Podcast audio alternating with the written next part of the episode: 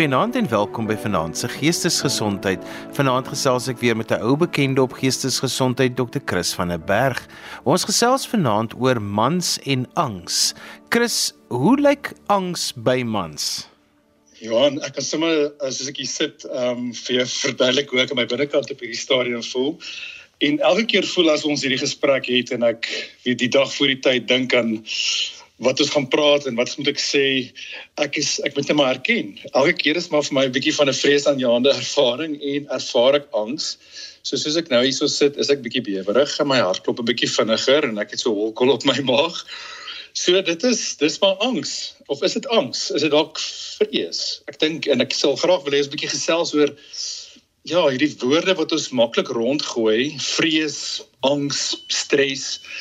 Ons het verskillende maniere om hierdie ervaring te beskryf en ek dink dit is belangrik dat ons die die klomp goeters van mekaar onderskei dat ons weet waar ons praat.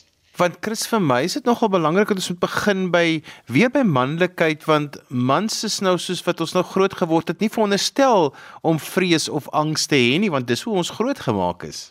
Presies net so. En angs is as ons kyk na die angsversteurings in in my in die wêreld van psigiatrie en geestesgesondheid, is die angsversteurings die algemeenste geestesgesondheidstoestand wat voorkom in mans. Ek dink dit is baie belangrik is dat ons teruggaan na wat ons in vorige gesprekke al na verwys het as die man box.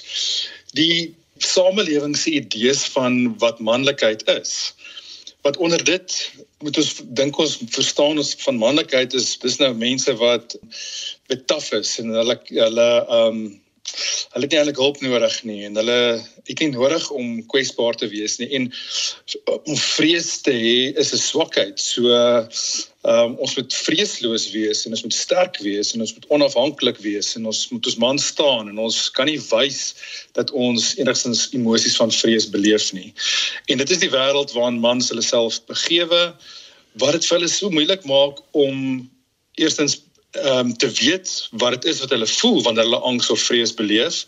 En dan tweedens om eerlik te wees oor daai gevoel en te sê maar hoe kan ek ehm um, my ervaring anders maak as om net te moet aanvaar dit is deel wees van man wees. Ehm um, dat ons maar moet sluk en aangaan en cowboys don't cry. So ek dink as ons eers net kan stil staan by daai punt te sê maar mans is die waarskynlikheid dat mans gaan hulp kry vir angsprobleme is baie kleiner omdat ons onsself vasloop aan hierdie grense van wat die samelewing van ons verwag wat manlikheid beteken. Chris het net gesê ons moet 'n bietjie stil staan by die woorde wat saam met angs gaan wat ons so maklik rondgooi. Kom ons praat 'n bietjie daaroor. Ja, ek dink die groot woord vrees klink baie erg, maar dis eintlik 'n woord wat 'n baie normale ehm um, reaksie of 'n normale emosie by alle mense beskryf. Dit is een van die primêre emosies wat alle mense ervaar en dis om daai rede nie 'n abnormale emosie nie.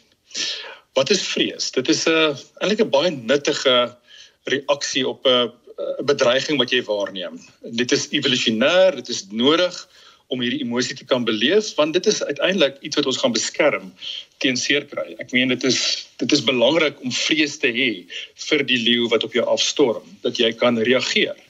So dit is 'n normale reaksie op 'n regte gevaar. En dis wat vrees is. So om te sê ek het vrees vir iets is nie 'n aanduiding van swakheid nie. Dit is net, wel, ek is 'n mens en daarom ervaar ek vrees. Ehm um, wat is die vrees by my vanaand? Hoekom het ek hierdie angsreaksie? Ek kan die vrees is seker maar dat ek my naam krater maak of iets sê wat mense uh, ontstel of ehm um, ja, nie my ehm um, my reputasie op 'n manier skade doen. Ehm um, daar seker nou verskillende redes wat wat, onderliggende weet moontlikhede is. Ehm um, daar is seker 'n regte gevaar dat ek my naam krater maak en daarom is daar dalk rede vir my om om vrees te hê vir hierdie gesprek. Ek dink nou uh, ek het die afgelope naweek ag die ongelooflikste ervaring en voorreg gehad om saam met 'n klomp manne in die Cederberge te stap. En soos ons stap, dink ek maar hoe gaan ek nou hierdie op prakties maak dat dat die mans dit kan verstaan? So kom ons gebruik die woord vrees in hierdie konteks. Ek het dalk op hierdie staptoer gegaan met 'n onderliggende vrees vir honger wees of koud kry of nie lekker kan slaap nie. Dit is als moontlikhede en as ek sleg slaap vir 'n nag of twee, dan is dit iets wat my nogal angstig en bekommerd kan maak of om koud te kry iets van mense oorlewingsmeganismes kop in en sê ek kan nie honger of koud wees nie.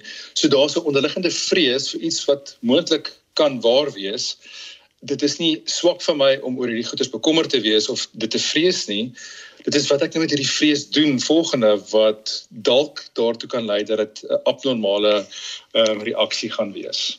So dis 'n konkrete ding. Dit is daar's 'n regte gevaar, potensiële gevaar en dan is daar hierdie emosionele reaksie van vrees vir iets wat potensieel verkeerd kan loop. Maar soos ek sê, dit is 'n evolusionêre ding. Dis dis dit dit is iets wat nodig is om ons as mens spesies ehm um, te laat oorleef en aan te pas en te ehm um, eintlik te thrive om ja, om vooruit te kan gaan. So dis vrees. Angs aan die ander kant is is 'n reaksie op vrees Maar nou het ons 'n aanhoudende oormatige bekommernis wat nie weggaan nie, selfs al het hierdie bedreiging weggegaan.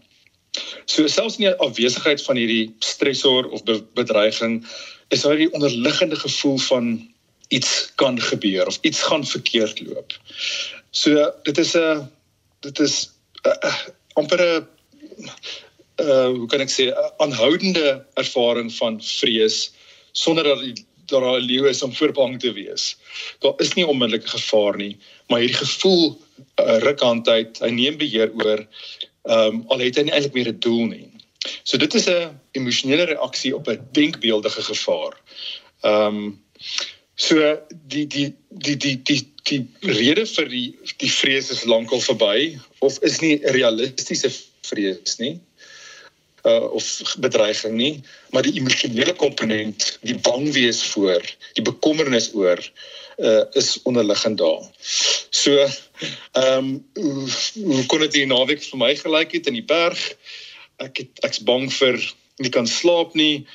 Ek lê 2, 3 nagte voor ek op hierdie staptoer gaan wakker van vrees om nie te kan slaap nie en daar veroorsaak my vrees dan nou 'n angsreaksie wat weer weet nuwe simptome weet veroorsaak en dit is iets waar ons gaan praat as ons praat oor die angsversteurings dat die onderliggende vrees sit hierdie hierdie siklus van bekommernis en afwagting aan die gang en dan word die angs eintlik heeltemal irrasioneel oor goeters wat dalk kan gebeur maar glad nie wat nie altyd moontlik is nie. So jou mens dink aan die ergste scenario's wat kan verkeerd gaan. Ehm um, en ek ek het iets hiervan beleef in in my inpak vir hierdie staptoer waar ek my tyd het min geraak en ek besef ek weet nie of ek alles het nie en of ons gaan dit ek so toeslaan in my kop dat ek nie helder kan dink nie. So dit is 'n voorbeeld van hoe angstigheid begin 'n simptome kan begin veroorsaak wat abnormaal is. Ehm um, so ek hoop dit beskryf dit mooi dat vrees is 'n normale emosie terwyl angs is 'n abnormale situasie ehm um, daar's nut in in in vrees, maar daar's nie nut in angs nie. Dit dit affekteer ons negatief. En ons wil net praat oor hoe angs ons op 'n negatiewe manier affekteer. En ja, vrees is, is spesifiek tot die situasie en in verhouding met die situasie terwyl angs is heeltemal uit verhouding met dit wat van die wat die situasie vereis. Chris, mense reageer ook dan verskillend op vrees en angs. Ja, en ek ehm um, ek het nou onlangs 'n artikel gelees wat in 'n onlangse artikel 2022 waar die navorsers navorsers sê dat ons is waarskynlik besig om angs in mans te onderdiagnoseer omdat ons nie die die spesifieke manier van hoe angs in mans presenteer regtig erken of verstaan nie. Ehm um, so ons normale kriteria waarop ons ons angsversteurings meet, die DSM is maar ons handboek wat ons ons uh simptome meet en ons kriteria vir ons geestesgesondheidstoestande mee diagnoseer is is nie spesifiek vir mans of vrouens nie, hy is oor oor die algemeen geskryf. En mans se angs blykbaar het 'n baie meer fisiese weet lyf manifestasie ehm um, waar dit in vrouens baie meer van 'n emosionele manifestasie het. So mans met angs het baie keer ehm um, meer fisiese simptome. Ek dink net maar aan hoe dit slaap kan ontwrig, hoe dit spierspanning veroorsaak, hoe dit kopseer gee. Ehm um, hoe dit maag spysverteringskanaal kan affekteer. Lighooftigheid kan gee, kognitiewe dofheid kan gee, konsentrasieprobleme, paniekaanvalle. So al die fisiese manifestasies van angstigheid wat ehm um, baie keer in mans voorkom wat nie erken word as angs nie en dan nou afgemaak word as 'n fisiese probleem of 'n mediese probleem en ja, ongelukkig dan nou ehm um, deur die krake val as 'n as 'n geleentheid om dit op te tel en te te sien vir wat dit is en 'n man te kan help met sy angsprobleem uh voor dit te laat is. So die die algemeenste simptome van angs is soos ek nou die klomp fisiese simptome genoem het maar dis hierdie gevoel van bekommernis, hierdie afwagting, voel of iets weet gaan gebeur. Ehm um, 'n vrees met 'n sonder naam, iets iets bang wees voor wat jy nie weet wat dit is nie.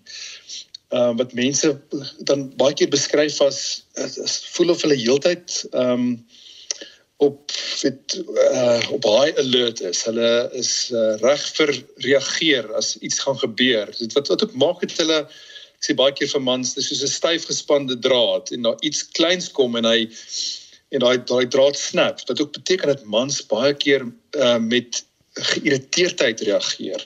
Uh kort van draad wees. Ehm um, gou hulle koel verloor en hulle irritasie of spanning uithaal op 'n aggressiewe manier op die mense rondom hulle. So daai ongeduld, kort van draad is iets wat baie gereeld in mans voorkom een simptoom wat ek dink baie mense nie verstaan is 'n gevolg van angstigheid is nie, is kognitiewe simptome. So mense wat sê hulle kan nie helder dink nie, hulle voel so wolkerig en dof in hulle kop. Hulle geheue is nie wat dit was nie. Ehm um, en as dit op op iets neerkom van hulle moet nou vinnig 'n besluit maak en reageer dan hak hulle vas en hulle kan nie verder dink nie en hulle slaan toe kognitiewe simptome is 'n aanduiding van baie hoë vlakke van angstigheid. Tot so 'n mate dat as dit verder sou gaan, kry jy self simptome ehm uh, waar waar mense dissosieer. En dis waar mense amper voel hulle voel buite hulle self asof hulle neerkyk op hulle self of ehm um, die wêreld rondom hulle voel soos 'n droom Ehm um, ons praat van uh derealisasie en depersonalisasie waar jy amper nie jouself voel nie of die wêreld om jou voel soos 'n soos 'n soos 'n droomwêreld. Daai is 'n baie ehm um, dit 'n baie gevorderde simptoom van angstigheid wat nie erken word as angs in baie gevalle nie. So Chris, hoe lyk angssterings dan by mans? Net om dan nou net dit daai op te som te sê dat okay, so vrees is normaal en angs is abnormaal.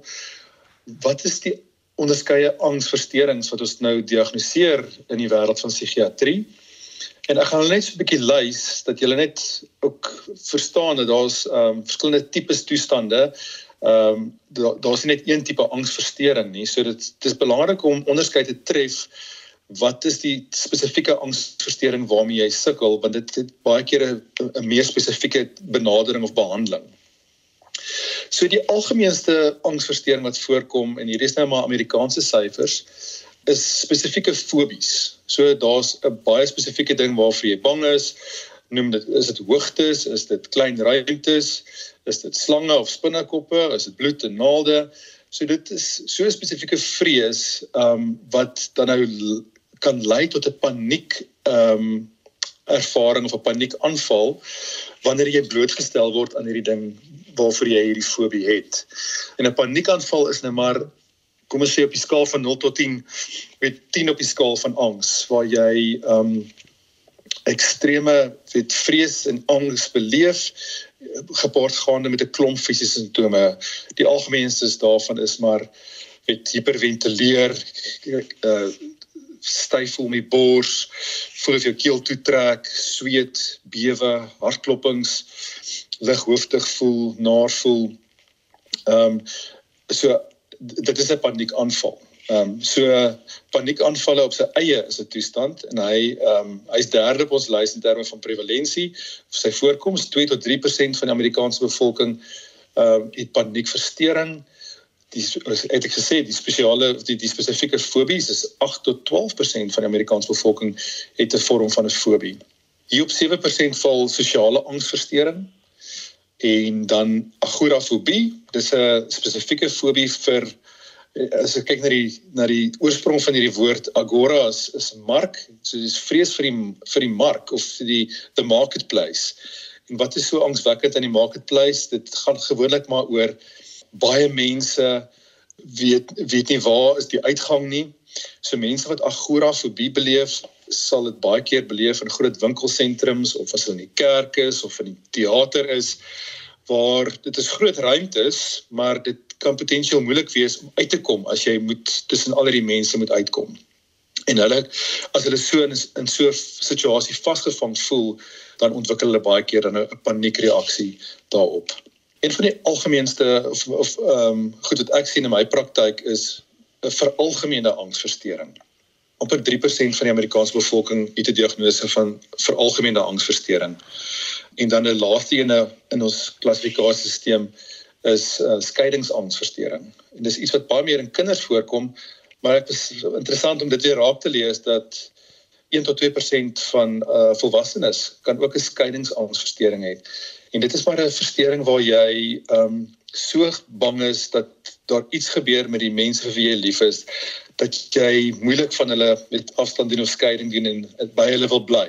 So om reis te gaan sonder hulle of hulle toe te laat om weg te gaan van die huis af skep geweldige angs vir mense met skeidings angsversteuring. Ek dink ja, miskien uh, dink jy ons moet 'n bietjie oor elkeen meer sê uh oor al die onderskeie tipes. Ek dink so Chris van ek dink dit sal vir luisteraars baie interessant wees om te weet so klein bietjie meer detail oor elkeen van die versteurings. Ek gaan begin met die een wat ek gereeld sien en dit is vir algemene angsversteuring. En dit is 'n angsversteuring waar mense meeste van die tyd, meeste dae van meeste weke vir lang tye aan een 'n abnormale gevoel van bekommernis oor allerlei goeters en nog wat beleef. Dit is mense wat beskryf dat hulle sukkel om ooit af te skakel en te ontspan in hulle koppe is hulle heeltyd besig om te dink wat kan fout loop, wat kan gebeur en hulle self voor te berei vir die al die ergste goed wat potensieel kan gebeur. Mense met hierdie angsversteuring het gereeld ook baie fisiese weet klagtes. Ehm um, hulle slaap baie keer sleg. Ehm um, dit kan hulle eetlus aantas. Dit is uiters dreinerend om heeltyd gespanne te wees en bekommerd te wees. So dit is mense kla gereeld van erge moegheid en tamheid tot so 'n mate dat hulle soms voel maar hulle wil hierdie dag ergens net net gaan slaap want hulle is net so fisies uitgeput van hierdie gespanne gevoel wat hulle heeltyd ervaar. Baie algemene simptoom van algemene angsversteuring is kognitief. Vergeetachtigheid, uh, korttermyn geheueverlies, ehm um, sukkel met konsentrasie en take wat fokus vereis. Ehm um, en dis baie keer een van die eerste simptome wat wat mense se aandag kry en sê maar hoorie so ek het 'n probleem. Ek kan nie meer konsentreer soos ek voorheen gekonsentreer het nie. Ehm um, veral mans kom natuurlik eerder met sulke simptome as wat hulle gaan sê maar ek ek het 'n gevoel van spanning of stres of bekommernis. Ehm um, want dit is ehm um, minder bedreigend om so 'n simptoom te rapporteer as om te moet erken dat ek sukkel met met angstigheid. Algemene angsversteuring kan lamlêend wees. Ehm uh, mense wat wat hiermee sukkel sukkel se lewenskwaliteit is baie gevalle regtig laag. Ehm um, en jy kan jou indink hoe dit moet wees om te leef met 'n gevoel van konstante spanning asof enige oomblik iets verkeerd kan loop wat regtig gevaarlik en bedreigend is.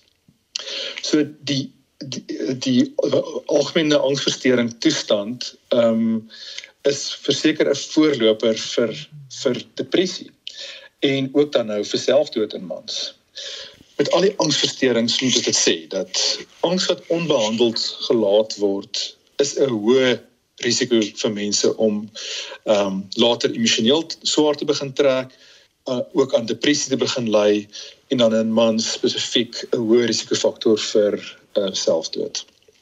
So uh, ek dink ek dit is amper die ergste uitkoms wat daar kan wees vir 'n gesondheidstoestand is dood. So daarom belangrik dat 'n mens regtig moeite doen om dit akkuraat te diagnoseer en mense die hulp te, te gee wat hulle nodig het om um, om dit hulp te, om hierdie toestand te verbeter.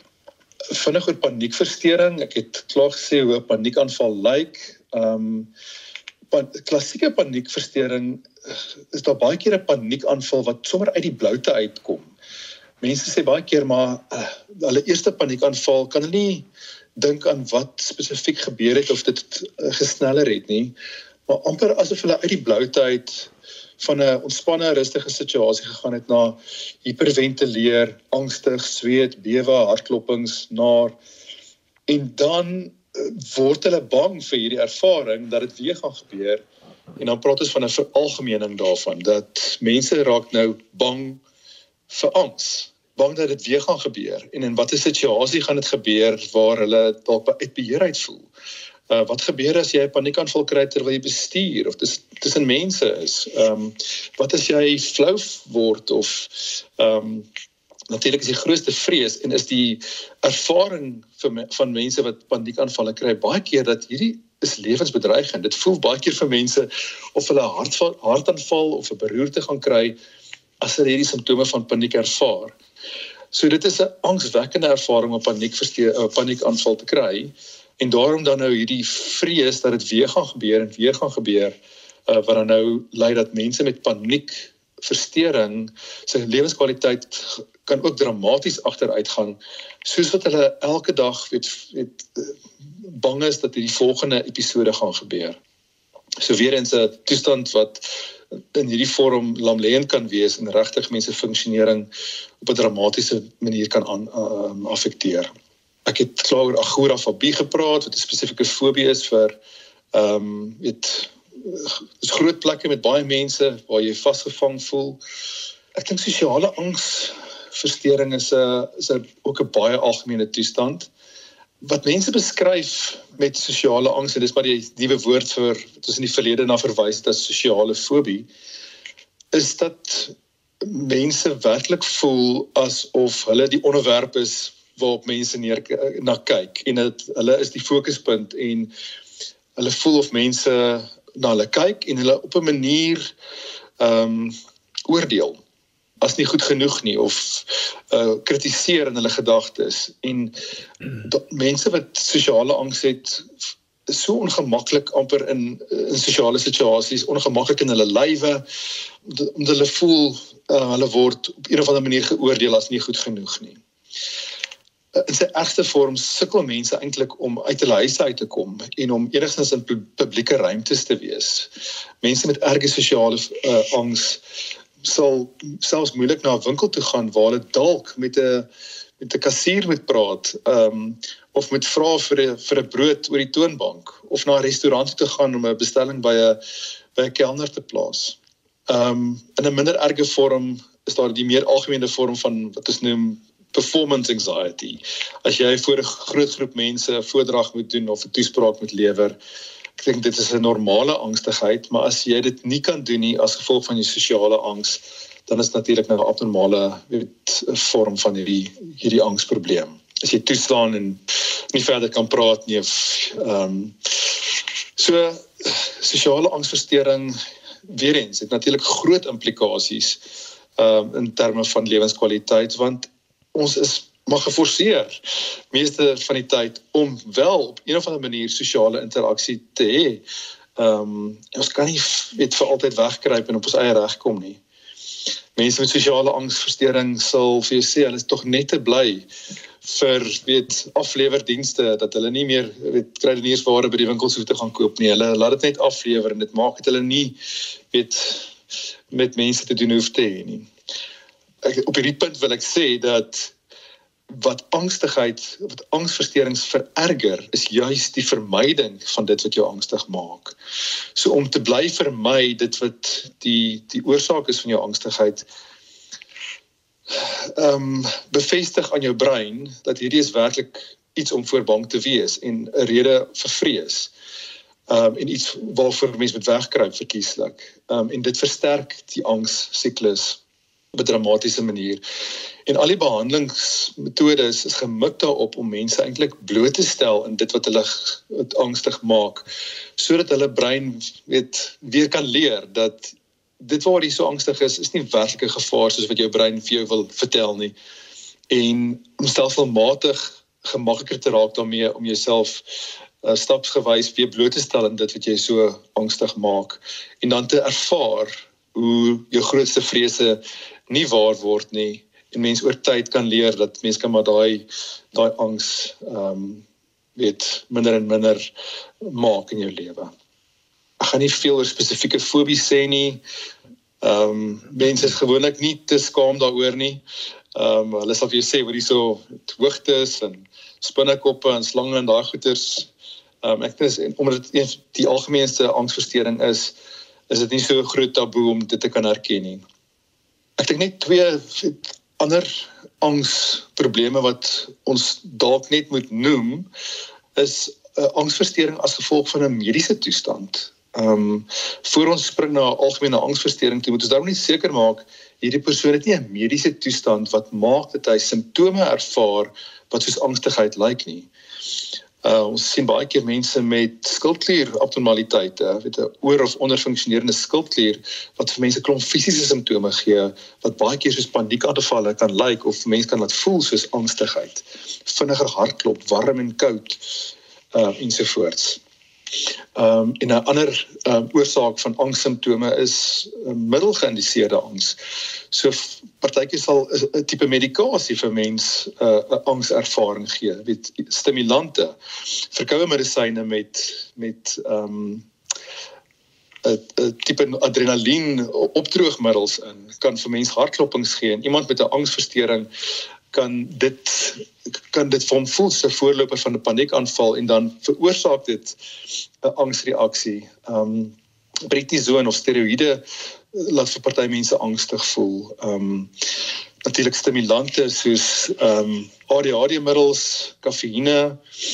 Uh hoeveel studente jy op Stellenbosch wat aanvullings gebruik voor hulle gym toe gaan wat ook kafeïne en stimulante het en dan uh, ook ehm um, met angs met uh, simptome sukkel.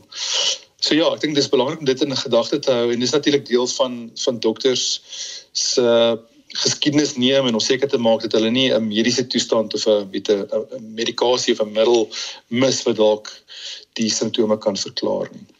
Die laaste toestand wat ek net wil noem dat uh, uh, histories het posttraumatiese stresversteuring het ook geval onder die vaandel of onder die sambreel van angsversteurings. Maar hy het intussen met die nuwe DSM-5 het hy nou geskuif na ehm um, trauma-verwante versteurings. Maar ehm um, ja, so posttraumatiese stresversteuring of akute stresversteuring ehm um, is definitief ook 'n uh, toestand wat gekoppel ehm uh, um, gekoppel word aan hoë vlakke van angstigheid na 'n traumatiese ervaring. So dit is die toestande wat gelys word in in die DSM tans.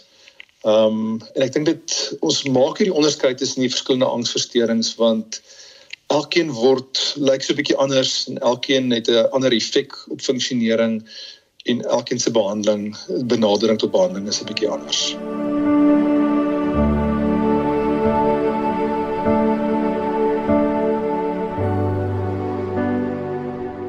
Chris, ek wil net juist kom by behandeling, maar ook soms daarmee saam raad vir mense, veral vir mans, want dit is moeilik om hierdie stap te neem. Jy loop maar met hierdie ding en jy hoop nou maar hierdie ding gaan weg. Ja, ek hou natuurlik van hierdie kriteria van die diagnose maak, maar die die die sielkundige in my wil altyd weet wat is onderliggend tot hierdie angstigheid? Wat is onderliggend? Wat is die regte vrees agter hierdie angs? Um en om dit nou net op toepassing van mans te maak en om terug te gaan ek dink ons derde of vierde gesprek um vroeër die jaar toe ons gepraat oor verwonding het ons ook gesê dat mans loop rond met vrees. Um James Hollis het gesê men's lives are essentially driven by fear. So ek dink my uh, voor ons kom by 'n behandeling is dit belangrik dat ons as mans moet verstaan waar kom ons vrese vandaan? dat ons kan die vyand op die tafel kan sit en lig op hom kan skyn en rondom hom kan loop en hom van alle hoeke kan beskou en hom kan verstaan. En as ons dit met ons angs en ons vrees kan doen, dan verloor dit so bietjie sy tande en uh, is hy minder bedreigend. Wat al klaar help vir ons om ehm um, nie so te reageer op ons angs en vrese nie. Ehm um, ek gaan dit net vinnig weer noem, maar ek wil die mans aanmoedig om weer te gaan luister na na daai episode wat ons gepraat het oor oor vrees uh en en, en verwonding in mans en skande en shame.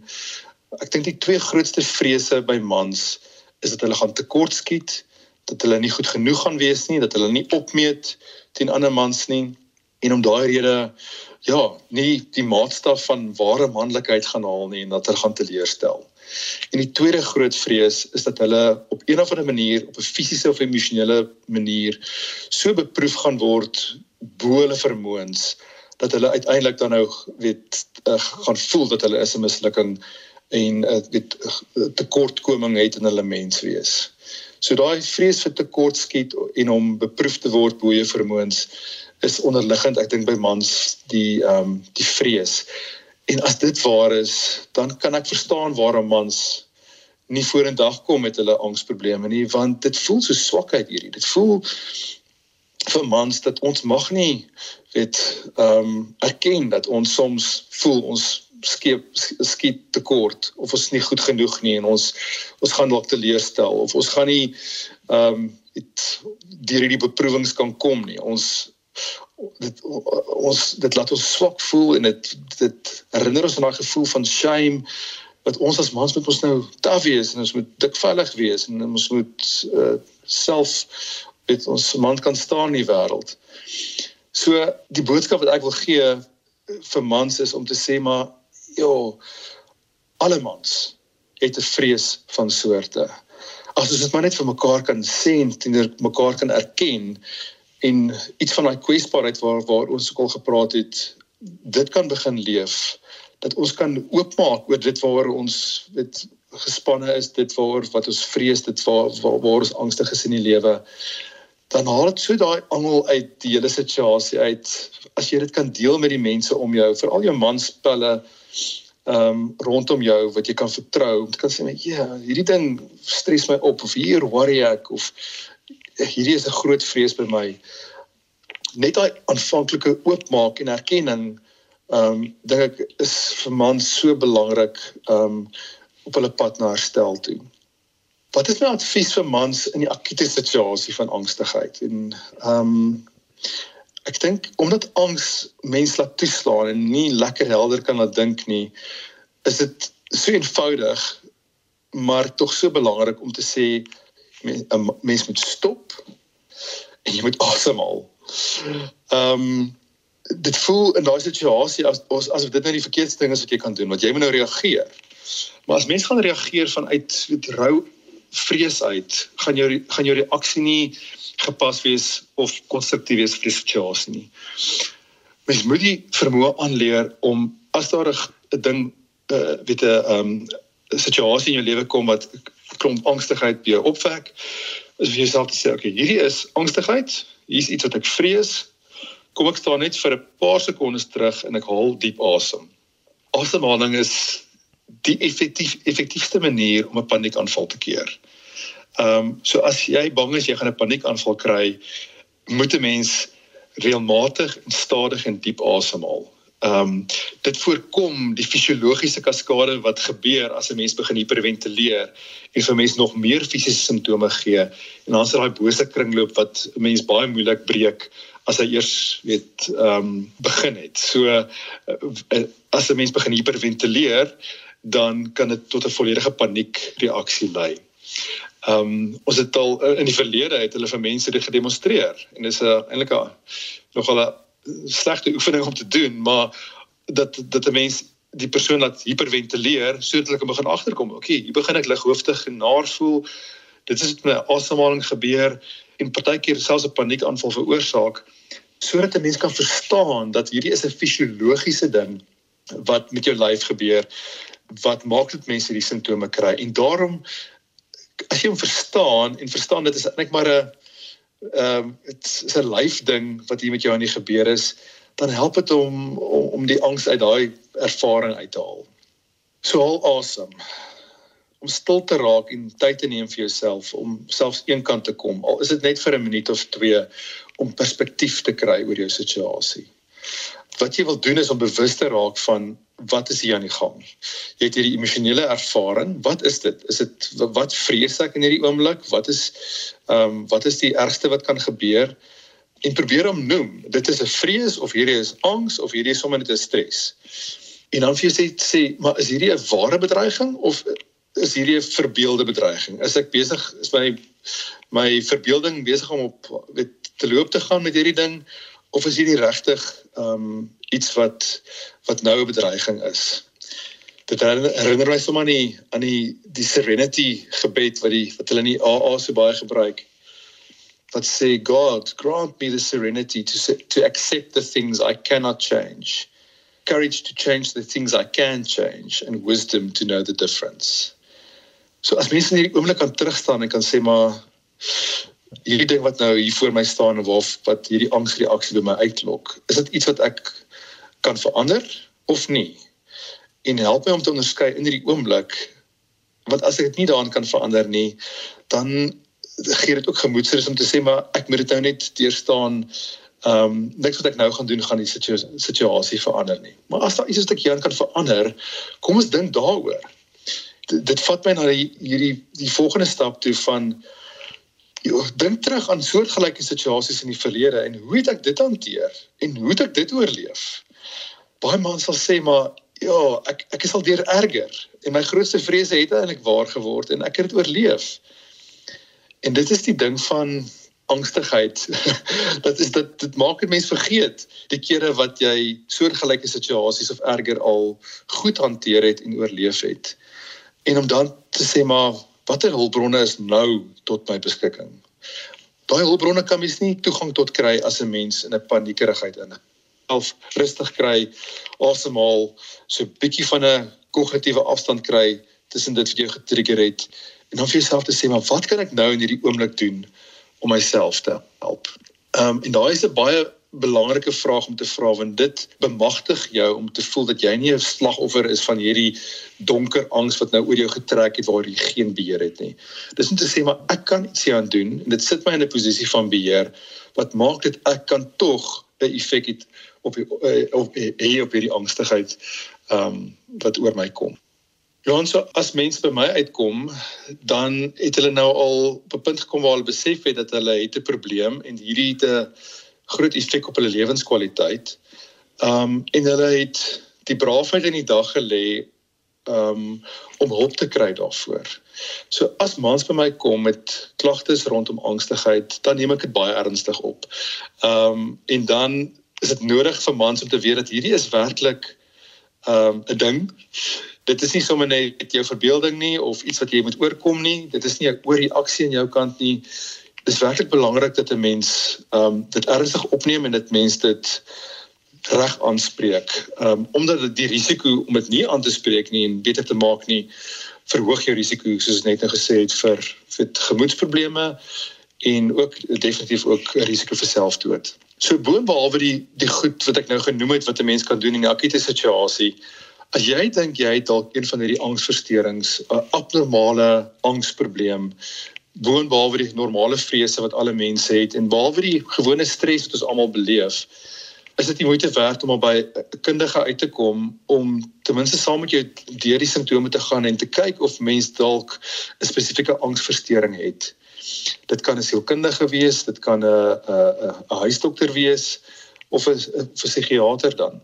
Dat mens net eers by 'n met 'n diagnose uitkom, 'n naam vir die ding kan gee en dan kan mens sê maar goed, hierdie hierdie tipe toestand reageer die beste op hierdie tipe behandeling. Die eerste linie van behandeling is psigoterapie, praatbehandeling. En elke tipe angsversteuring het 'n spesifieke vorm van sielkundige terapie of praatbehandeling wat vir hom werk. Uh, ons uh, gebruik baie keer die kognitiewe gedragsterapie model uh, wat uh, klem lê op blootstelling aan dit wat die angstigheid veroorsaak en dan vir jou maniere en vaardighede aan te leer hoe 'n mens in so 'n situasie jou angstigheid kan reguleer. natuurlik as 'n mens verby die fase is waar simptome nou weet beter is, dan kan mens nou dieper gaan en sê maar wat is die onderliggende rede vir jou vir jou vrees? En dan kan ons kom by die onderliggende vrese en weet die rol wat jou persoonlikheid speel in jou in jou angsprobleem ensovoorts. Tweede op ons lys vir angs is, is medikasie en dit daar's 'n uh, some medikasies wat help met net suiwer simptome van angstigheid. Daar's kalmeerpille wat natuurlik nie 'n langtermyn oplossing is nie. En dan staan die medikasies wat met veiligheid oor 'n langtermyn gebruik kan word om op 'n volhoubare manier jou angsrespons te uh af te reguleer.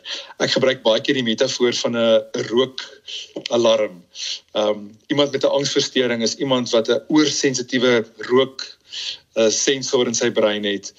Iemand in Kaapstad is besig om 'n vuurtjie aan te steek en en jou rooksensor in Stellenbosch word getrigger en gaan af dit is uh, dit daai metafoor maak baie keer sin vir mense. So dit beteken dat jou jou brein is op so 'n manier gewired dat hy oormatig reageer op angs of vrees syne en die medikasie maak daai sensor net minder sensitief dat hy op 'n gepaste manier reageer as daar werklik 'n bedreiging is. Belangrik dat 'n mens met medikasies en middels uitskakel wat angstigheid kan veroorsaak, kafeïne, dwelmmiddels, alkohol is interessant hier en alkohol verlaag natuurlik angstigheid soos wat jy hom gebruik maar angstigheid vererger in die dag of 2 of 3 na alkohol gebruik belangrik om dit in gedagte te hou. Ek dink dit is baie belangrik dat dat dat jy jouself bemagtig met inligting soos ek net nou gesê het jy sit hierdie ding op die tafel jy beskou hom van alle kante verstaan hom en dan en dan en dan sê minder van 'n bedreiging So lees op daaroor, praat met mense wat dieselfde toestand het. Ehm um, gaan lees selfs op oor die fisiologie van angstigheid en verstaan hoe biologies dit is.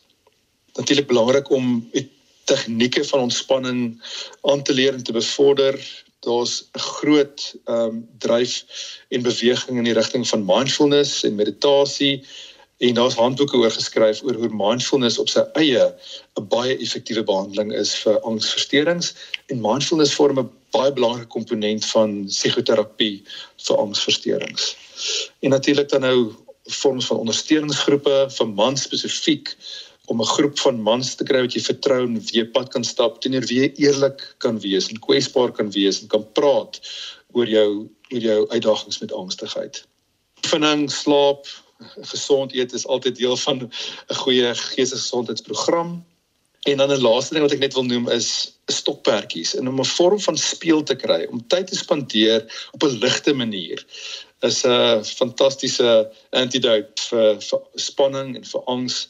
En ehm um, ek dink ons mans het verleer hoe om te speel en hoe om tyd te spandeer op 'n ligte manier. Ek het 'n fantastiese boek gelees ehm um, onlangs wat wat vir ons sê hoe kan ons eintlik voorkomend optree teen angstigheid? En die boek se titel is The Ruthless Elimination of Hurry 'n boek geskryf deur John Comer. En hy gee vir ons vier esse wat ons kan help om ja eintlik maar voorkomend te wees voordat hierdie lewe van besig raak en vinnig lewe um, sy tol eis en lei tot angsversteurings. En daai vier esse wat hy noem is stilte solitude wat alleen wees is, tyd op jou eie wees, simplicity, eenv eenvoudig lewe, so 'n filosofie van eenvoudiger, minder in jou lewe hê en dan die woord sabbat wat rus beteken om om ritmes in jou lewe in te bou waar daar ononderhandelbare rustye ingebou is sodat mense reset knoppie kan druk elke nou en dan voordat 'n mens weer vinniger en vinniger belewe. Ek het nou oor my tyd gegaan ek hoop die luisteraars ehm um, kon sin maak het wat wat ek hier verduidelik het. En as hulle meer ehm um, ja, as hulle meer inligting hieroor wil hê of met my in verbinding wil tree, is hulle meer as welkom om dit te doen. Ehm um, ek kan my e-posadres gee as info@meetadam.co.za en ons ook nou 'n webtuiste www.meetadam.co.za. En so gesels Dr. Chris van den Berg en ons het vanaand gesels oor angs en ons het spesifiek gesels oor angs by mans. En daarmee ons gekom aan die einde van vanaand se geestesgesondheid. Onthou jy kan weer na vanaand se program luister as 'n potgooi en laai dit af by resgep.co.za. Skryf gerus vir my 'n e e-pos by Johanvanlull@gmail.com en onthou daai Johan het net een N. En daarmee groet ek dan vir vanaand. Kyk mooi na jouself. Tot volgende keer van my Johan van Lille. Totsiens. thank you